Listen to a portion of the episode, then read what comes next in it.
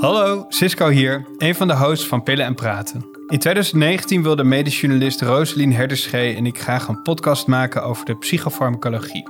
En voordat we bij Pillen en Praten uitkwamen, hebben we hier bij Prelum geëxperimenteerd met verschillende formats. Zo hebben we ook een aflevering opgenomen over het toen net verschenen standaardwerk Farmacotherapie bij Verslaving. Hiervoor hebben we de onovertroffen Wim van der Brink mogen interviewen aan zijn keukentafel en daar is toen een mooie pilotaflevering uit ontstaan. Uiteindelijk zijn we voor de podcast Pillen en Praten gegaan, waarbij we dus elke drie maanden twee artikelen uit de Psyfar bespreken. Maar toen we door het audioarchief van Prelum aan het grasduinen waren, kwamen we deze pilotuitzending ook nog tegen. Het heeft tussentijds aan relevantie niets ingeboet, dus we willen jullie het dan ook niet onthouden. Het boek Farmacotherapie bij Verslaving is verkrijgbaar via de webshop van Prelum. Maar voor nu geef ik dan graag vanuit 2024 het woord aan mezelf in 2020. Geniet van het interview. Welkom allemaal bij de eerste aflevering van podcast De Klinische Ronde. Ik ben Sisko van Veen, psychiater in opleiding. En ik ben Rosalien Herderschee, wetenschapsjournalist. En we zitten hier aan de keukentafel bij hoogleraar verslavingszorg Wim van der Brink. Welkom. Ja, jullie welkom. Ja, we hebben ons uh, bij jou thuis uh, uitgenodigd om je eens flink uh, te bevragen over het nieuwe boek wat jullie hebben geschreven, Farmacotherapie bij Verslaving. Vandaag gaan we stilstaan bij het hoofdstuk alcohol, dat je schreef samen met Arndt Schellekens en Geert Dom. We gaan het daar uitgebreid over hebben. En ik ga de luisteraar tussendoor bijspijkeren in collegeblokjes met wat feitjes, en uiteindelijk gaan we proberen in deze podcast de vraag te beantwoorden: wat uh, zijn de medicamenteuze behandelingen van alcoholverslaving? Laten we beginnen. Um, eerste vraag: hoe, uh, hoe is jouw fascinatie voor dit thema, verslaving, uh, gewekt destijds? Nou, eigenlijk puur toeval. ik werkte in Groningen aan het onderwerp persoonlijkheidsstoornissen. En toen werd ik door Cor de Jong gevraagd om eens te kijken naar een paper van hem over uh, interpersoonlijk gedrag tussen uh, verslaafden en behandelaars. En dat was een fascinerende kennismaking. En ja, ik was toen klinisch epidemioloog en arts. En ik werd gevraagd in, uh, in Groningen om daar verder in te gaan. Maar toen kwam er ook een verzoek uit Amsterdam om hoogleraar verslavingszorg te worden. Ik wist er niks van en ik heb ja gezegd. En, en hoe, is dat, hoe is dat bevallen? Uh, nou, even schrikken. Uh, ik denk dat ik uh, twee weken was, was ik de hoogleraar verslavingszorg. En toen mocht ik een radioprogramma mocht ik een optreden. En moest ik als deskundige aanwezig zijn. En ik heb toen mijn toenmalige directeur van de Jelinek gezegd van... dat moet jij maar doen. Hij zei, nee, nee, jij bent nu de nieuwe hoogleraar, dus ga je gang. Oké. Zeg, um, dus je bent hoogleraar, doet, doet veel onderzoek, inmiddels ook met pensioen, begrijp ik. Um, zag jij naast je onderzoek uh, nog veel patiënten met verslavingsproblemen? In het begin wel. Heb ik uh, ook bij de Jelinek altijd nog uh, patiënten gedaan. dat werd steeds wat minder, want het onderzoek nam toe. En ik moet zeggen, de laatste tien jaar zie ik voornamelijk mensen in second opinions en nog wel eens een VIP die ergens netjes ondergebracht moet worden.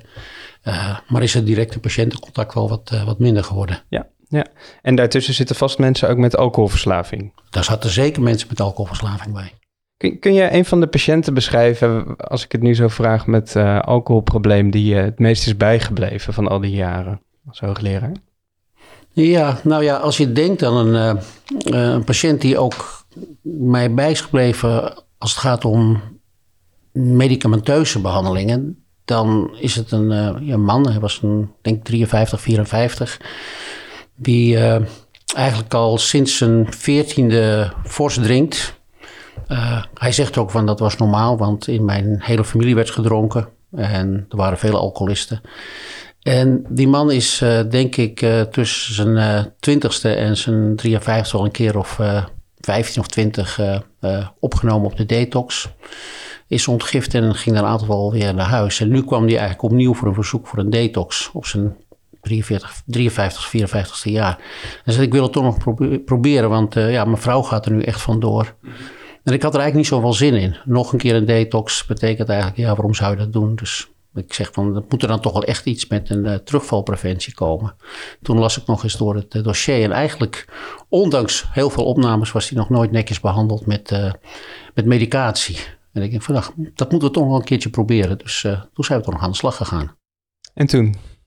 Nou ja, we komen er misschien straks nog wel op. Toen zijn we het met naltrexon gaan proberen. En wat er gebeurde is dat, uh, dat hij wel bleef drinken, maar nooit meer helemaal tot het gaatje. Dus hij werd niet dronken meer, dus hij, hij, dronk bijna elke dag nog. Maar niet meer dan twee, drie glazen. En dat heeft met name ook die relatie met zijn, zijn echtgenoot aanzienlijk verbeterd. Dus geen perfect resultaat, maar heel leefbaar. Mooi. En een mooi uh, succesverhaal dus voor uh, medicamenteuze behandeling van verslaving. Zeg, um, even van de patiënt weer naar, naar de breedte van de maatschappij. Wat zijn voor ons nu de uitdagingen op dit moment als maatschappij als het gaat om alcohol en alcoholproblemen? Uh, ja, de belangrijkste uitdagingen op dit moment zijn is... kunnen we het aantal mensen wat verslaafd raakt, kunnen we dat kleiner maken? Nou, dat betekent dat we eigenlijk moeten gaan denken... kunnen we preventie doen. En er zijn eigenlijk twee manieren voor. Eén is, uh, ik denk niet zozeer naar die scholen toe gaan en daar heel veel over vertellen. Dat, uh, dat moet de verslavingszorg ook niet meer doen. Nou, één, we weten dat dat niet veel zoden aan de dijk zet. Daardoor gaan mensen niet minder drinken. En ook niet op een latere leeftijd. Wat we wel kunnen doen, is natuurlijk de prijs nog wat verhogen. Ook voor jongeren is de prijs van alcohol nog steeds heel, uh, heel, heel laag. Dus, en de beschikbaarheid, beschikbaarheid van alcohol uh, uh, in alle supermarkten, dat zou toch, ja, moet je afvragen of dat goed is. Dus daar kun je iets doen, dat jongeren minder vroeg in contact komen met alcohol. Ik denk ook met probleemjongeren, die hebben een aantal groot risico dat ze verslaafd worden. Dus het vroegtijdig behandelen van jongens met ADHD of meisjes die somber zijn en misschien wel benzo's gebruiken, dat zijn grote risicofactoren. En een ander heel belangrijk punt is, we moeten zorgen dat, het is een volksziekte, het komt heel veel voor. Dus het kan niet alleen maar door de gespecialiseerde verslavingszorg behandeld worden. Dus we moeten de huisartsen uh, zover krijgen dat ze alcohol gaan herkennen, de stoornis erkennen en gaan behandelen, ook eventueel medicamenteus. En ziet u alcohol, het is natuurlijk een, ehm, in die zin ook een maatschappelijke ziekte. Het wordt vaak nog gezien als karakterzwakte of iets wat mensen zelf doen. Wat, wat is uw visie daarop? Ja, we hebben daar heel uitvoerig over gesproken. Is het nou uh, morele zwakte of, uh, of ziekte? Ik denk dat er nu overweldigend bewijs is dat het een, een psychiatrische aandoening is. als je kijkt naar de bijdrage van de genetica. En we hebben nu ook zoveel hersenonderzoek bij mensen beschikbaar. Het is echt een, een psychiatrische aandoening. En, en gelukkig is het een behandelbare psychiatrische aandoening. Dus we kunnen er ook echt wat mee. Mooi, nou, daar gaan we het verder over hebben. Alcoholverslaving is dus een volksziekte. Hoe zit het eigenlijk met de epidemiologie van alcoholverslaving? Daar gaan we in dit eerste collegeblokje op in. Allereerst, hoe kom je tot een diagnose? De DSM-5 beschrijft 11 criteria waarbij positief scoren op meer dan twee criteria de diagnose rechtvaardigt. Aan hoe meer criteria wordt voldaan, des te ernstiger de situatie. Een score van 2 of 3 op de ernstschaal wijst op een lichte stoornis, 4 of 5 op een matige en 6 tot 11 op een ernstige stoornis. Naast stoornissen in het gebruik van alcohol, alcoholverslaving, beschrijft de DSM ook stoornissen door het gebruik van alcohol, zoals intoxicaties en het onttrekkingssyndroom van alcohol. Het is natuurlijk lastig om precies te zeggen hoeveel mensen er kampen met een alcoholverslaving. Niet in de laatste plaats doordat mensen zich er vaak voor schamen om overmatig gebruik toe te geven. Geschat wordt dat het in jaarprevalenties gaat om zo'n 7 tot 10 procent van de algemene bevolking. Stoornissen in het gebruik van alcohol komen vaker voor bij mannen dan bij vrouwen. In een verhouding 3 staat tot 2. Opvallend is dat het aantal patiënten met een alcoholverslaving lijkt toe te nemen. Specifiek bij vrouwen en ook bij ouderen. De behandelkloof voor mensen met een alcoholverslaving is best groot. Slechts 15 tot 45 procent van de mensen die enige vorm van behandeling nodig heeft, krijgt deze ook daadwerkelijk. Het is een sterke misvatting dat als je eenmaal aan alcohol verslaafd bent, je hier nooit meer van afkomt. De meeste herstellen, van de mensen in de algemene bevolking met een alcoholverslaving voldoet na een jaar nog een derde aan de oorspronkelijke diagnose. En de kans op terugval in de daaropvolgende jaren is klein. Veel mensen lijken een stoornis in het gebruik van alcohol na een tijd zelf onder controle te krijgen, zonder professionele hulp. Maar dat is helaas niet het hele verhaal. Een kleiner, maar significant deel van de patiënten herstelt niet. Uiteindelijk loopt ongeveer 20% van de mensen met een alcoholverslaving vast in een chronisch verloop van de stoornis. Dit zijn vaak mensen met meerdere moeilijkheden. Naast de alcoholverslaving spelen er ook andere psychiatrische, somatische of psychosociale problemen. Het zijn vooral deze patiënten die in gespecialiseerde behandelvoorzieningen terechtkomen. Wim, we hebben dus zojuist gehoord dat uh, problemen met alcohol verschillende fases kunnen kennen. Dus mensen kunnen niet alleen problemen hebben met alcohol, maar ook door alcohol in de problemen komen. Maar als we nu op zaterdag de stad inlopen, gaan we niet iedereen daarvan meteen behandelen. Hoe zit dat eigenlijk? Wanneer wil je iemand behandelen als hij geïntoxiceerd is? Om te beginnen, wij als behandelaars komen de, de meeste van die mensen natuurlijk niet tegen. Uh, zitten of op de eerste hulp of we zouden eventueel een verslavingszorg zijn.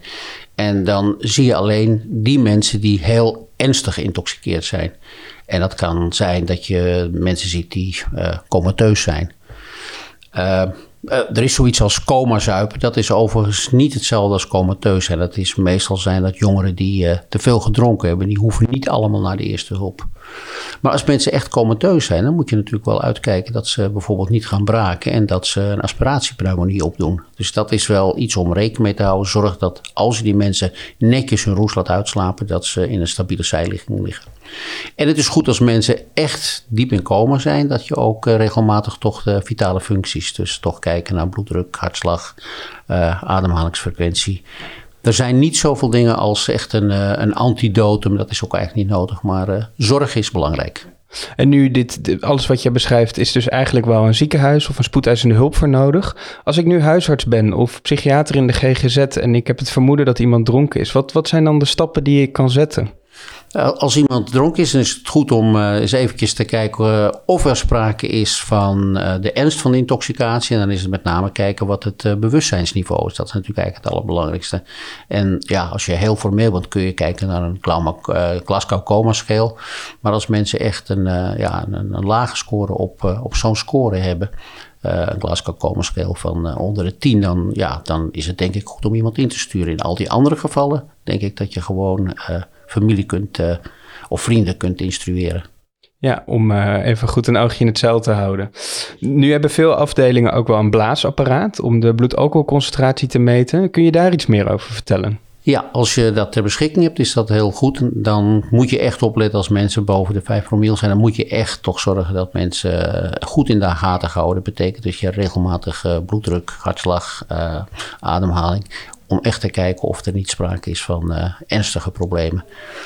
Uh, en dat is dus eigenlijk toch voornamelijk ook opnieuw begeleiden. En in het geval dat er heel iets ernstigs is, zou je natuurlijk door kunnen sturen naar een algemeen ziekenhuis. Dus stel ik ben een, een psychiater op een polykliniek of ergens op een kliniek en een patiënt uh, die veel alcohol gebruikt begint te ontwennen. Waar moet ik dan rekening mee houden? Wat moet ik vragen aan deze patiënt? Ja, ik denk dat twee belangrijke dingen. Je moet een inschatting maken van de ernst van de onthoudingsverschijnselen. En dat kun je heel goed doen met een, eh, een klein vragenlijstje, zogenaamde SIWA. En als mensen uh, onder de 10 scoren, dan kun je besluiten tot een ambulante behandeling. En als ze boven de 10 scoren, is het toch verstandig om ze naar de verslavingszorg of inderdaad ook een klinische opname daarvan te maken. Een tweede ding wat heel belangrijk is, of er in de voorgeschiedenis uh, uh, dingen zijn als een onthoudingsdelier of onthoudingsinsulten. Ook dan moet je eigenlijk altijd besluiten tot een klinische opname. Nou, en dan als je iemand gaat behandelen, dan kun je dat uh, of zonder medicatie doen, of je kan dat met medicatie doen. En bij de medicatie die je dan gebruikt voor, voor tegen de onthouding, zijn het altijd benzodiazepines. Ja, die benzodiazepines, dat, dat uh, leer je tijdens geneeskunde. Dat je daar uh, goed mee uit de uh, voeten kan als iemand eh, gaat detoxen van alcohol. Hoe baseer jij je keuze voor een benzodiazepine als je iemand gaat helpen met een detox? In het algemeen zullen we altijd kiezen voor langwerkende preparaten. dan kun je denken aan chlordiazepoxide of valium, diazepam. Want dan heb je eigenlijk continue spiegels en dat kun je heel netjes uh, in de gaten houden. Een uitzondering moet wel gemaakt worden voor alcoholisten die uh, bijvoorbeeld leverfunctiestoornis hebben. En dan willen we eigenlijk liever naar kortwerkende middelen, zoals uh, oxazepam of lorazepam. En waarom maak je die keuze dan een kortwerkend middel? Omdat je eigenlijk niet wilt dat er stapeling plaatsvindt, omdat ze slechte middelen metaboliseren. Dus stel, ik heb dienst en er komt iemand uh, met een lange geschiedenis van alcoholproblemen binnen. Waar zou jij dan voor kiezen als je niet weet wat de leverstatus is? Dan kun je heel goed kiezen voor een, eh, een kortwerkend middel. En dan uh, kijken of uh, je in de loop van de tijd andere informatie krijgt. Je kunt nog switchen. Je kunt dat ook gewoon dan die, die vijf dagen doen. Meestal schrijven we daar niet meer dan vijf dagen voor en proberen we eigenlijk ook weer af te bouwen in die vier, vijf dagen daarop volgend. Ja, en dat schiet er nog wel eens bij in. Ja. Hey, en dan was er naast de benzo's ook nog, nou, iedereen kent natuurlijk Wernicke en de vitamines. Hoe zat dat ook alweer precies? Ja, eigenlijk uh, alle mensen met een uh, wat langer bestaande stoornis in het gebruik van alcohol, zoals alcoholverslaving formeel heet, uh, die hebben eigenlijk vitamine tekort. En dan gaat het voornamelijk om vitamine B1, B3, B11, B12. Maar de allerbelangrijkste is misschien toch wel die, die vitamine B11, de thiamine-deficiëntie. Om allerlei redenen hebben veel verslaafde, alcoholverslaafde thiamine-deficiëntie. Uh, ze eten slecht, uh, ze resorberen thiamine slecht. Uh, waarschijnlijk gebruiken ze ook meer. En dat betekent dat je daar heel voorzichtig mee moet zijn. En wel voordat je mensen ook gaat zeggen van ga nou eten. Want dan betekent eigenlijk dat er nog meer thiamine gebruikt wordt. En dan kan de deficiëntie nog groter worden. Dus misschien wel de allerbelangrijkste boodschap voor huisartsen en voor psychiaters als je een alcoholverslaafd tegen zorg dat je iets aan thiamine doet. Uh, dat betekent dat je het in een aantal gevallen kun je dat uh, oraal doen. Maar als je denkt dat het heel ernstig is, dat mensen heel lang uh, verslaafd zijn. Als je denkt dat er een dreigende werking moet je eigenlijk tenminste vijf dagen intramusculair 500 milligram thiamine voorschrijven. Dat moet je dan ook vervolgen met een aantal dagen 500 milligram oraal. En later ook nog een uh, langdurig vitamine B. Het is een heel belangrijke boodschap. Thiamine, thiamine. Je moet zorgen dat mensen geen Wernicke en Wernicke-Korsakoff ontwikkelen. Hartstikke mooi. Zeg, we hebben het nu tot nu toe vooral gehad over het handelen bij alcoholonttrekking en bij alcoholintoxicatie. Maar dat is natuurlijk niet het hele verhaal. Er bestaan ook medicatie die kunnen helpen bij de terugval eh, of tegen de terugval van alcohol. Maar voordat we daarover gaan verder praten, wil ik eerst Roselien vragen om ons wat meer uit te leggen over de neurobiologie van alcoholverslaving. Wat alle genotsmiddelen gemeen hebben, is dat ze leiden tot stimulatie van de nucleus accumbens, een hersengebied in het ventrale striatum dat in verband wordt gebracht met emoties en beloning. Alcohol doet dit waarschijnlijk door middel van de GABA-neurotransmitter. Langdurig gebruik van alcohol leidt ertoe dat je meer moet gebruiken om dezelfde activiteit in dit hersengebied te krijgen. Daarnaast speelt het proces van motivationele sensitisatie een rol. Het idee is dat steeds meer alcoholgebruik leidt tot overgevoeligheid van delen van de hersenen die emotionele betekenis toekennen aan prikkels in de omgeving. Dit lijkt trek of kreving in de hand te werken. Dat is funest bij het begin van een verslaving en speelt mogelijk ook een rol bij het terugvallen in gebruik.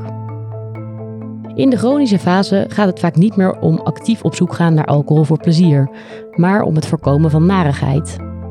Dit proces noemen we gewoontevorming en komt tot stand door een neurale verschuiving van het ventrale naar het dorsale striatum. Bij langdurige verslaving zorgt alcohol nog nauwelijks voor beloning, maar blijft de verslaafde het toch gebruiken. Dat komt waarschijnlijk doordat langdurig alcoholgebruik het stresssysteem in de hersenen heeft geactiveerd en alleen het gebruik van alcohol of andere middelen dit nog kan dempen. Tot slot onderdrukt alcohol de functie van de prefrontale cortex. Deze speelt een belangrijke rol bij de impulscontrole. Een minder goed werkende frontaalkwap kan dus leiden tot controleverlies. Het samenspel tussen alcohol, hersenen, omgeving en gedrag is natuurlijk erg ingewikkeld. Het is belangrijk om te realiseren dat alcoholverslaving verschillende hersenfuncties verstoort en verandert. Medicijnen kunnen eraan bijdragen de normale hersenfuncties weer enigszins te herstellen. Heel belangrijk is natuurlijk dat al die processen aangestuurd worden door neurotransmitters. En dat is natuurlijk het aardige, dat we iets kunnen doen met die neurotransmitters om ook behandeling in te zetten op medicamenteus niveau. Laten we beginnen met de vraag, wat voor middelen kun je voorschrijven als je iemand wil helpen uh, om die terugvallen in alcohol te voorkomen? Ja, dan moet je een onderscheid maken tussen de middelen die netjes geregistreerd zijn voor uh, de behandeling van uh, stoornis in het gebruik van alcohol of alcoholafhankelijkheid. En dat zijn er op dit moment uh, in Nederland maar vier. Dat is het overbekende disulfiram. Ja, laten we met die beginnen. Disulfiram, waar, waar grijpt dat op aan in de hersenen? Ja, dan beginnen we eigenlijk met middelen die iets zeggen over die beloning. Wat disulfiram doet, is eigenlijk je neemt het en als je dan nog alcohol gebruikt, dan uh, stoort het de afbraak van alcohol. En staat er eigenlijk een grote een ophoving van acetaldehyde. En daar worden mensen misselijk van. Ze krijgen er hartkloppingen van. Uh, dat is echt een hele onplezierige uh, gewaarwording.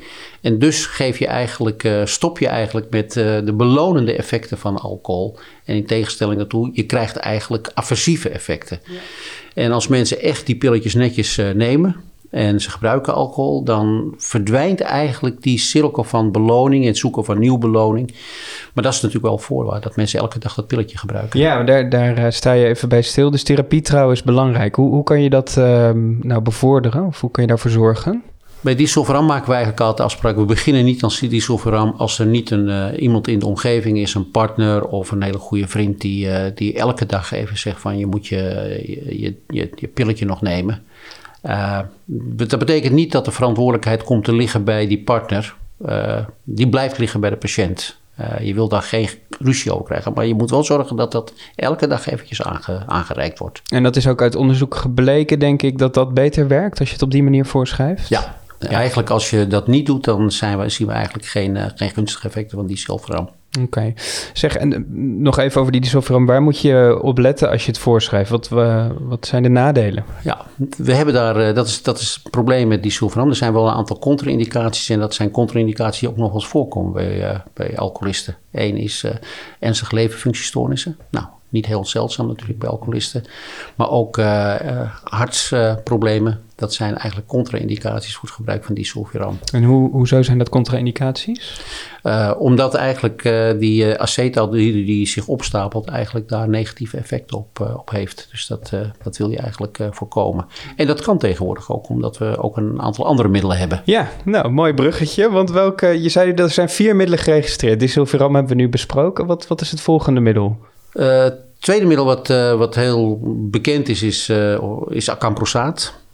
Dat is een middel wat aangrijpt op het, ja, de balans tussen het glutamaat en het GABA-systeem. En het is waarschijnlijk een middel wat zorgt voor minder craving, misschien ook iets minder angst. En dat middel lijkt te leiden bij een aantal patiënten tot volledige abstinentie.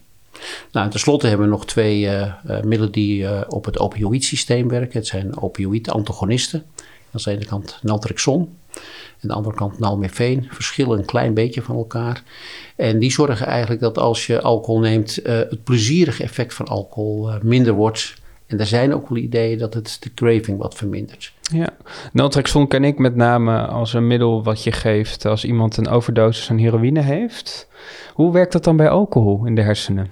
Ja, zoals ik al uh, vertelde in, uh, in, de inleiding uh, over de neurobiologie. alcohol is een ingewikkeld middel, maar het grijpt aan in ieder geval ook op het GABA-systeem en indirect ook op het dopamine- en opiaatsysteem. En met name het belonende effect van alcohol gaat waarschijnlijk via het opiaatsysteem. En dit is een antagonist van het opiaatsysteem. Dat betekent dus dat de hedonistische, de plezierige beleving van alcohol minder wordt. En wat je dan ook vaak ziet met zowel naltrexon en nalmefeen is dat uh, mensen niet helemaal stoppen met drinken, maar ze drinken nog af en toe, maar drinken, stoppen met drinken omdat het eigenlijk een beetje tegenvalt. En dan gebruiken ze één of twee drankjes en dan, dan stoppen ze. Dus je ziet voornamelijk met uh, vermindering van het aantal dagen dat ze overmatig drinken. Ja, en dat is ook een doel op zich, begrijp ik. Ja, dat is eigenlijk wat nieuw is in, denk ik, in de behandeling van alcoholverslaafde voelschuiven. Er is maar één mogelijkheid, dat is totale abstinentie. Maar we weten eigenlijk heel goed als mensen aanzienlijk minder gaan drinken, dan de, met name ook de, de lichamelijke consequenties van het alcoholgebruik aanzienlijk minder worden. Dus we zijn ook heel blij als mensen minder kunnen gaan drinken. Voor sommige mensen is dat niet mogelijk, die moeten echt stoppen. Maar er zijn toch ook heel veel mensen die het uh, met wat medicamenteuze ondersteuning uh, lukt om uh, minder te drinken. Ja, zeg, en nalmefeen is dan niet een pilletje wat je elke ochtend neemt bij het scheren? Ik, dat heeft een speciale reden, toch, om dat in te nemen? Ja, dat is eigenlijk een, een, hele, ja, het is een meest recente middel wat geregistreerd is voor alcoholafhankelijkheid. het is zogenaamd as needed, zo nodig gebruik. Als je denkt in de ochtend van ik uh, zou wel eens in een risicosituatie met alcohol kunnen komen. Dan neem je het in de ochtend in. En dan ben je de hele dag beschermd eigenlijk.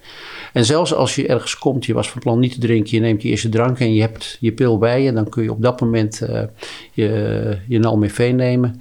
En dan eigenlijk binnen een uur heb je effect en het zou kunnen voorkomen dat je daar weer uh, uit de bocht vliegt met je alcoholgebruik. Ja, ja. Zeg, terug naar de spreekkamer. Nu denk ik aan de ernstige alcoholverslaafde patiënt. Welk middel zou jij daar het meest geschikt voor vinden? Uh, dat ligt er een beetje aan. Uh, wat voor soort patiënt je hebt. Je zegt van is, uh, hij is ernstig. We hebben die meneer besproken net. Hè? Meneer van 53 met eigenlijk al heel veel detoxificaties. en dan eigenlijk toch het bijzondere. Ook na heel veel behandelingen heeft hij nog nooit medicamenteuze behandeling gehad. Nou ja, dit is een man die, die ja, die in zijn familie ook heel veel uh, alcoholafhankelijkheid heeft. Uh, we hebben ook wat meer dingen nagevraagd. We hebben bijvoorbeeld eens gevraagd uh, of hij een grote zoete kou is. En dat blijkt, hij heeft dat, maar ook zijn familie. Dit zijn allemaal zoete kouwen. En het zou wel eens kunnen zijn dat mensen die dat soort kenmerken hebben, dat die het best gebaat zijn of het meest gebaat zijn bij naltrexon en misschien wat minder bij, bij of disulfiram. Dus bij zo'n man zou ik zeggen van op basis van zijn, ja, zijn genetica, nou ja, genetica, zijn familiaire geschiedenis en zijn bijkomende klinische kenmerken zou ik daarvoor kiezen. Dat is eigenlijk wat we steeds meer doen. Ja, en dan kijken we dus al een beetje vooruit naar de precisieverslavingsgeneeskunde. Precies. Nu hoor ik in mijn omgeving best wel wat sceptisch over de werkzaamheid en ook de, de evidence achter deze middelen. Wat, wat zou je daarop zeggen? Ja, die, die zou beter kunnen zijn, maar dat geldt eigenlijk voor de hele geneeskunde. Er zijn mooie studies gedaan en die laten eigenlijk zien dat. Uh, ja, we doen veel goede dingen in de geneeskunde, uh, maar we halen beperkte resultaten. Uh, dat geldt ook voor de psychiatrie en ook voor de verslavingszorg. Uh, overal zijn de effecten ongeveer even groot in de algemene geneeskunde, huisartsgeneeskunde en in de psychiatrie en in de verslavingszorg. Uh, numbers needed to treat, hoeveel mensen moet je behandelen om er eentje extra beter te maken, die zijn ergens tussen de, de 7 en de 8. Uh, dat is in de verslavingszorg zo, dat is in de de rest van de psychiatrie zo. En dat is eigenlijk ook bij veel geneesmiddelen in de huisartsgeneeskunde zo. En dat moeten we zien te verbeteren. Er zijn wel een aantal manieren waarop je dat kan doen. Nu denk ik niet dat jij zegt, uh, ik geef een pil en het is klaar. Hoe, hoe bed jij een, een uh, medicamenteuze behandeling in? Wat, waar, waar hou je dan nog meer rekening mee? Ja, misschien is het goed om te zeggen dat al die geregistreerde geneesmiddelen... die zijn eigenlijk uh, geregistreerd op voorwaarde dat je het combineert met psychosociale zorg. En betekent eigenlijk dat je als patiënten dat ook uh, willen, dat je dat moet combineren met een vorm van motiverende gespreksvoering of cognitieve gedragstherapie. En dat je dat in combinatie eigenlijk met je patiënt doet. Nou zijn er aantal patiënten die zeggen, dat wil ik allemaal niet, of dat heb ik al tien keer gehad, wil ik niet meer. Uh, ik wil wel die pil nemen. Nou, mijn advies is dan, uh, als het niet kan zoals moet, moet het maar zoals het kan. En dan zou ik echt met, met pillen beginnen. Er zijn gewoon ook goede aanwijzingen dat de pil alleen ook tot goede resultaten kan leiden. Ja, ja, ja, en dan een proefbehandeling starten bijvoorbeeld. Goed ja. evalueren. Ja, dat, ja. Uh, en het zijn middelen die als ze werken, dat is een beetje anders tussen de middelen. Bij acamprosaat moet je toch wel een, uh, ja, een week of twee tot vier wachten voordat je uh, goed effect kan verwachten.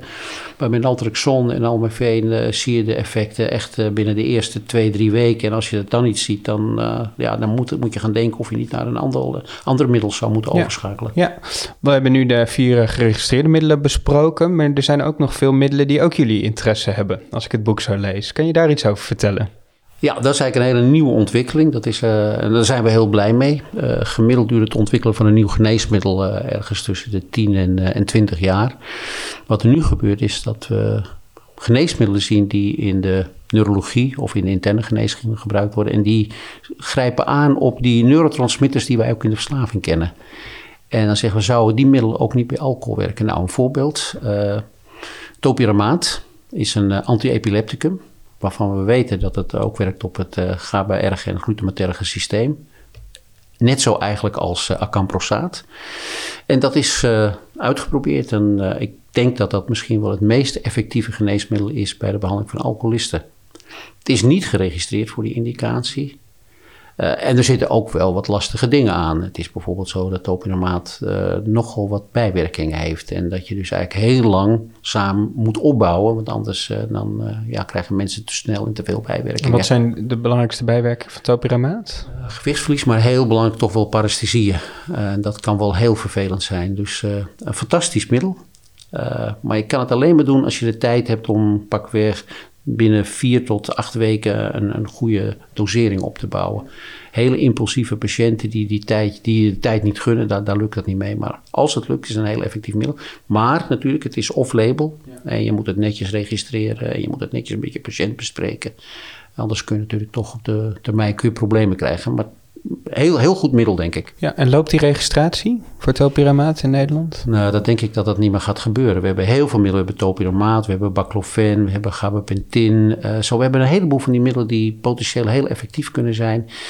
Uh, en ik denk dat die niet geregistreerd gaan worden, omdat uh, ze allemaal uit patent zijn. Uh, een te, te, groot risico voor de farmaceutische industrie is om dat te ontwikkelen voor deze indicatie. En het zal wel zo blijven dat die middelen niet geregistreerd zijn met deze indicatie. Dat betekent dat dokters, wat mij betreft, eerst de geregistreerde medicamenten moeten gebruiken. Maar als je daar onvoldoende succes mee hebt, dan denk ik dat uh, middelen als uh, topiramaat en baclofen, uh, sodiumoxybaat, gabapentin, dat dat allemaal dingen zijn die je in een ja, latere fase eigenlijk toch heel goed zou kunnen inzetten. Ja, ja, ja. Um, voor een psychiater die niet per se gespecialiseerd is in verslaving, vind jij het ook verdedigbaar dat die ook dit soort middelen voorschrijft? Erger nog, ik denk dat uh, uh, niet alleen psychiaters uh, dat moeten doen, psychiaters die niet in een werken. Ik denk dat in heel veel gevallen kom je mensen tegen met een depressie, maar je ziet ook verslaving. En dan moet je eigenlijk realiseren, één, wat is die rol van die verslaving in depressie? Bij mannen zou het betekenen dat je moet proberen mensen inderdaad uh, eerst uh, abstinent te krijgen. En dan kun je eigenlijk pas goed de depressie beoordelen. En als dat nuttig zou zijn, kun je er ook uh, geneesmiddelen bij inzetten om die abstinentie te, te bewerkstelligen. Maar ik zou zeggen, eigenlijk ook bij huisartsen. Want het is een volksziekte, hebben we gezegd. En als het een volksziekte is, dan kunnen wij dat als specialisten niet eigenlijk allemaal voor elkaar krijgen. En wat dat betreft uh, ja, is het een beetje jammer dat in de huisarts uh, standaard staat dat huisartsen die zich competent achten, die zouden ook uh, geneesmiddelen voor de behandeling van alcoholverslaving kunnen voorschrijven. Ik denk dat dat eigenlijk ondenkbaar is als je zou horen dat huisartsen die zich competent achten, uh, geneesmiddelen voor diabetes zouden mogen voorschrijven. Ik denk gewoon dat huisartsen moeten ook zorgen dat ze competent zijn. En algemene psychiaters moeten gewoon zorgen dat ze zich competent kunnen voelen over de behandeling van uh, verslaving, ook medicamenteus. Ja, nou, een duidelijk statement. En daar ligt dus volgens mij een rol voor uh, nascholing, als ik het zo hoor. Zeg, je had het net al even kort over de dubbele diagnose en dat psychiatrie en verslaving vaak overlapt. Laten we Roselien vragen om daar ons wat meer over uit te leggen. We noemden het eerder al even. Stoornissen in het gebruik van alcohol komen vaak voor in combinatie met medisch-somatische en andere psychiatrische aandoeningen. Wat betreft de medisch-somatische aandoeningen zijn stoornissen in de leverfuncties de belangrijkste. Zowel als je kijkt naar de prevalentie, als wanneer je kijkt naar de impact op morbiditeit en mortaliteit. Bij psychiatrische aandoeningen liggen causale verbanden complex, omdat stoornissen in het gebruik van alcohol zowel oorzaak als gevolg kunnen zijn van de bijkomende aandoeningen. Wanneer we specifiek kijken naar psychotische stoornissen, blijken alcoholproblemen van groot belang in de klinische praktijk. Een stoornis in het gebruik van alcohol wordt gevonden bij ongeveer een derde van de patiënten met schizofrenie. Ter vergelijking, dat is drie keer zoveel als een stoornis in het gebruik van cannabis bij deze patiëntenpopulatie. Gekeken naar de combinatie met stemmingstoornissen wordt een stoornis in het gebruik van alcohol gevonden bij 1 op de 5 mensen met een depressie. Alcoholgebruik en stoornis in het gebruik zijn daarnaast belangrijke risicofactoren voor suïcidaal gedrag. Bij ruim een derde van alle geslaagde suïcides speelt alcoholgebruik een rol. Ook de combinatie alcoholverslaving en bipolaire stoornis en de combinatie alcoholverslaving en angststoornis komt vaak voor. Als we nu vanuit de psychiatrische kant kijken, stel ik behandel een patiënt uh, die uh, kwetsbaar is voor psychoses en ik hoor dat hij een uh, stoornis heeft in het gebruik van alcohol. Hoe, hoe beïnvloedt dat mijn behandeling voor de psychose? Um, denk ik in twee, twee opzichten. De eerste is van wat voor behandeling ga je aan psychose doen en ga je aanvullend behandeling van, van verslaving doen. Wat betreft de behandeling van de psychose zijn er wel heel duidelijke aanwijzingen dat de eerste generatie middelen, de dolachtige middelen, de klassieke antipsychotica, mogelijk de craving die deze patiënten hebben doen verergeren. En dat dat veel minder het geval is bij tweede generatie uh, antipsychotica. Waarbij je wel een goed onderscheid moet maken. Iets als risperidone is natuurlijk wel formeel een tweede generatie antipsychoticum. Maar het receptenbindingsprofiel is gewoon als van een klassiek antipsychoticum. En dus zal ook risperidone waarschijnlijk een uh, verhoging van de kreving geven. Er zijn wat aanwijzingen dat misschien clozapine wel het meest in aanmerking komt, omdat dat uh, misschien wel de minste negatieve invloed hebt of versterking geeft van de craving. Maar er zitten natuurlijk allerlei vragen ook aan. Want clozapine hebben bijvoorbeeld weer geen depotmedicament. En uh, nou, dit zijn misschien ook wel patiënten die in aanmerking zouden kunnen komen voor een depotpreparaat. Dus dat voor betreft het, de behandeling van de psychotische stoornis. Je wilt tegelijkertijd vaak natuurlijk iets doen aan de behandeling van die alcoholafhankelijkheid. En dan moet je denk ik denken voornamelijk aan uh, disulfiram en naltrexon. Zijn eigenlijk onderzocht ook in deze populatie en werken. En ja, patiënten met schizofrenie roken ook gewoon heel veel. Uh, 80, 90 procent van die patiënten roken. En we weten dat dat echt, uh, ja, daar gaan ze aan dood en niet aan de schizofrenie. En je zou ook kunnen denken om, uh, om varenicline voor te schrijven in deze patiënten. Want dat heeft zowel een effect op uh, het, het roken als op de alcohol, het alcoholgebruik. Dus zeker een, een, een, ja, medicament over het oog. Maar of label. En dus dat moet je wel weer netjes documenteren. Ja, dus een klein stapje, uitstapje naar het hoofdstuk over nicotineafhankelijkheid. Um, de relatie tussen stemmingstoornissen en dan met name depressie en alcohol is anders dan die tussen uh, psychose en alcohol, volgens mij, omdat daar de oorzaak-gevolgrelatie uh, ingewikkelder ligt. Hoe, hoe um, moet ik daarmee omgaan als ik een depressieve patiënt uh, behandel? Ja, als je een depressieve patiënt met een, een alcoholstoornis hebt, zou ik eigenlijk toch altijd aanraden om voorzichtig te zijn met je definitieve diagnose depressie. En ook met de behandeling van je depressie als de mogelijkheid zich voordoet om bij deze patiënten toch te komen tot een uh, periode van tussen de twee en vier weken abstinentie, dan zie je met name bij mannelijke uh, patiënten met depressie en alcohol dat die uh, depressie soms als sneeuw voor de zon verdwijnt. En dat moet je denken aan 70, 80 procent van die mensen die dan hun depressie kwijtraken. Bij vrouwen is dat wat minder vaak het geval, maar het is echt een moeite waard om te kijken of vermindering van, van alcoholgebruik leidt tot vermindering van depressie. En misschien wel dat de behandeling van die depressie depressie eigenlijk overbodig wordt. Maar het kan ook zijn dat het niet verdwijnt. En dan moet je gewoon ook beide stoornissen behandelen. En eigenlijk behandel je beide stoornissen zoals je beide stoornissen individueel zou behandelen. Dus dat betekent voor de depressie uh, of SSRI's of andere antidepressiva. En voor de alcohol de een van de vier geregistreerde medicamenten. Nou is het wel zo dat er lichte aanwijzingen zijn dat misschien SSRI's bij deze populatie net iets minder uh, effectief zijn dan misschien een SNRI, zoals uh, nou, bijvoorbeeld venlafaxine. Dus dat is een ja, een lichte overweging. Ik denk niet dat die evidentie keihard is, maar kan dat zou je ter overweging, ter overweging mee kunnen nemen. Ja, dus in deze zin staat echt de behandeling van de alcoholstoornis uh, staat voorop. Wat u ja, als je die mogelijkheid krijgt en je krijgt hem niet altijd, dan moet je daar uh, te gaan denken. Dus stoppen met, uh, met alcoholgebruik. Altijd even vragen of er ooit eerder een depressie is geweest, of die goed heeft gereageerd op een antidepressivum. Ja. Of er in de familie depressie voorkomt. Dat verhoogt allemaal de kans dat je antidepressieve behandeling ook, uh, ook aan zal slaan. Ja, zeg je had het ook even over de bipolaire stoornis. Hoe ik dat ken is dat mensen als ze een beetje manisch worden heel veel kunnen gaan drinken. Is dat de belangrijkste relatie tussen bipolaire stoornis en alcohol of zijn er ook andere? Ja, er wordt uh, zeker verondersteld dat er ook andere relaties zijn. Dat uh, drinken eigenlijk kan leiden tot als een trigger voor, uh, voor opnieuw een, een manische of een depressieve episode. Uh, wij hebben er zelf al uitvoerig onderzoek naar gedaan. En, en wat onze belangrijkste bevinding is, dat het is essentieel uh, dat uh, mensen met een bipolaire stoornis therapie trouw zijn wat betreft hun stemmingstabilisatoren. Met hun lithium of, of andere stemmingstabilisatoren. Dat is eigenlijk essentieel. En als dat gerealiseerd wordt, dan heeft alcoholgebruik op zich waarschijnlijk geen grote effecten voor, voor het ontstaan van stemmingsveranderingen. En maakt het dan nog uit welke stemmingstabilisator je kiest? Uh, ja, wij denken wel dat als je bij patiënten die echt een, een, een stoornis, uh, een bipolaire stoornis hebben en een stoornis in het gebruik van alcohol, dan denken we dat uh, valproaat misschien wel de betere medicaties of misschien zou ik moeten zeggen, misschien moet je streven naar een combinatie lithium en valproaat. En valproaat heeft dan zowel effect op voorkomen van een uh, terugval in de stemmingstoornis, als misschien ook wel vermindering van alcoholgebruik.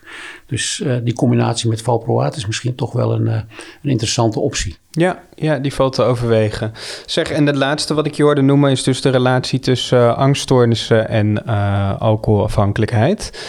Dat roept bij mij meteen het idee op dat alcohol gebruikt wordt om te vermijden. Klopt dat?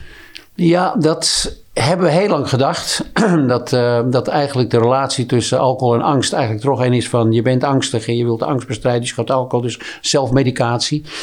Dat zal zeker bij sommige patiënten zo zijn, maar ik denk dat je er ook vanuit moet gaan dat het uh, andersom ook kan. Dat mensen toch eerst wel een alcoholstoornis en dat dan de angst gaat toenemen. Heel vaak bijvoorbeeld uh, begint het bij een eerste onthoudingsperiode dat er een, ja, dat er plotseling heftige angstigheid of zelfs een paniekaanval ontstaat. En op basis van de paniek kan er dan een, ja, een agrofobie met paniek ontstaan. En je ziet natuurlijk ook wel dat die, eh, die, die richting gevolgd wordt. Uh, daar geldt eigenlijk als je patiënten tegenkomt met een alcoholstoornis en een stoornis, uh, een, stemming, en een angststoornis dat je dan eigenlijk toch gewoon beide stoornissen zo goed mogelijk moet behandelen. En daar zien we ook goede dingen van. Als je een uh, SSRI geeft, dan zie je ook uh, een goede reactie van de angststoornis. Maar het betekent niet dat mensen dan ook gelijk minder gaan drinken. Dus ik denk okay. wel dat je dan goed moet kijken wat er dan met je alcohol gebeurt. En eventueel ook de alcohol gewoon apart daarnaast, liefst tegelijkertijd ook gaat behandelen. Ja. Als laatste de relatie met uh, suicidaliteit die, uh, die je noemde. Uh, stel, ik zie een patiënt die uit zich suicidaal op mijn poli of in de dienst en ik kom erachter dat hij ook drinkt. Is er iets wat ik op dat moment direct kan doen dan? Nou, de eerste gedachte we moet wel zijn van dit is een vergroot risico op geslaagde suïcide. Ja. Ja. Uh, zoals je weet natuurlijk, uh, uh, vrouwen hebben meer suïcidepogingen, mannen hebben meer geslaagde suïcidepogingen. Voor gedeelte is dat ook omdat bij mannen veel vaker alcoholgebruik in, in het spel is. En het moet dus wel alle signalen op rood zetten. Ernstige suicidaliteit en overmatig alcoholgebruik is echt een, een, een, belangrijk signaal. Als je nou één belangrijke les mee mag geven aan de mensen die deze podcast hebben geluisterd, wat zou die zijn? Mag ik er twee geven? Nou, vooruit. Eén, uh, als je iemand uh, in onthouding ziet, denk aan thiamine. Wij willen dat mensen uh, goed behandeld worden voor een vitaminedeficiëntie. En we willen voorkomen dat mensen in een Wernicke of een Wernicke-Korsakoff terechtkomen. Dus denk altijd bij onthouding aan thiamine. Dat is één. Het tweede is dat ik van mening ben dat alle psychiaters, maar eigenlijk ook alle huisartsen goed opgeleid moeten zijn voor het erkennen, herkennen, maar ook medicamenteus behandelen van uh, uh, patiënten met een alcoholverslaving. Het is niet heel complex. Uh, het is een volksziekte en dat betekent dus dat alle hens aan dek moeten en we moeten dat in de opleidingen goed verankeren. Ja, ja, ja, duidelijk. Duidelijke boodschap. We willen je hartelijk danken voor het delen van je kennis, uh, Wim. Graag gedaan. Uh, en jij, Rosalien, ook voor het delen van jouw kennis. Zeg, komen bij het eind van deze eerste aflevering van de klinische ronde, waarin we het boek Farmacotherapie bij verslaving uh, bespraken. Als jullie nou nog meer vragen hebben of meer willen weten, kun je dat allemaal terugvinden in het boek. Uh, we zijn benieuwd naar jullie tips, aanvullingen en feedback. Dus uh, laat van je horen via info.prelem.nl. Dank voor het luisteren en graag tot de volgende keer.